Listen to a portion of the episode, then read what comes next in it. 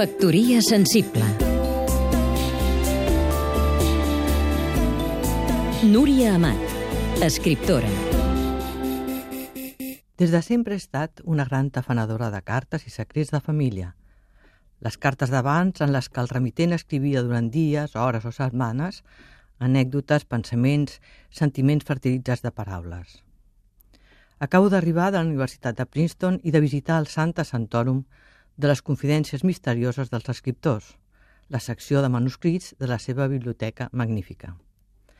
Els autors més celebrats del món tenen allà el seu tresor de vivències ocultes. Amagades? Doncs no. 15 minuts va durar registrar-me com a investigadora i tenia a la taula les capses de la correspondència personal que jo desitjava. Els papers originals.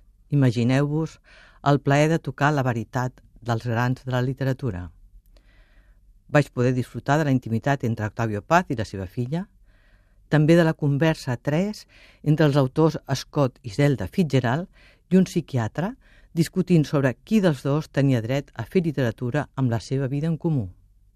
Scott deia «Tot això és el meu material, res d'això és teu».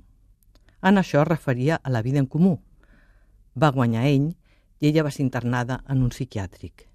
Si les cartes de Flaubert, Kafka o Emily Dickinson són el cor de la seva obra, els e-mails, els whats i els tuits tindran influència en els llibres que s'escriuen?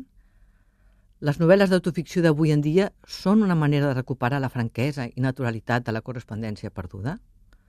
La nostra intimitat virtual sembla intangible i la literatura està reflectint aquest canvi. Com també podria ocórrer que aquella literatura de mirall i paper deixés d'existir per sempre. Factoria sensible.